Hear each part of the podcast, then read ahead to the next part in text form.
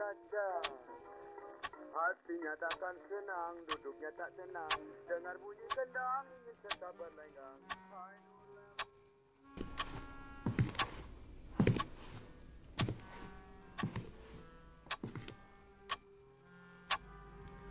Perjalanan Tuan Karya Anas A.M.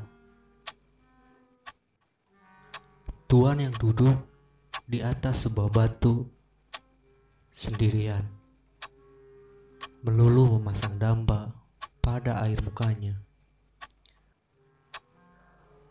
Seraya peta yang di tangannya ia remas seperti hatinya. Ia pun siap bercerita. Siap membasahi dirinya dengan kata-kata. Pertama, waktu adalah satu-satunya langkah yang tak pernah mau berbalik arah. Dan masa lalu tak pernah bisa diubah. Maka masa lalu tercipta dengan seorang gadis yang sedari awal telah ia buru.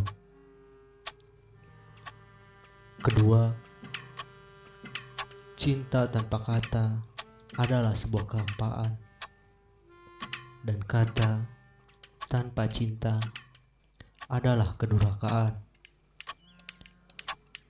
Seorang lelaki dengan peta di tangannya yang telah ia remas mengawali perjalanan dengan seseorang yang terlanjur dia cinta. Pada suatu pandangan, tapi durhaka karena tidak menyampaikan cintanya.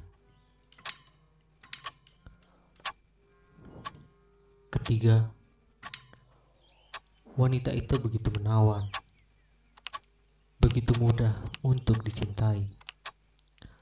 Dan wanita itu adalah kawan dari suatu perjalanan. Keempat, hujan, cinta akan jatuh dengan sendirinya. Di sebuah lembah, setelah hampir tertekam buasnya alam, dia kecup wanita itu. Dia lelah menyimpan kata-kata. Ia lelah bersembunyi.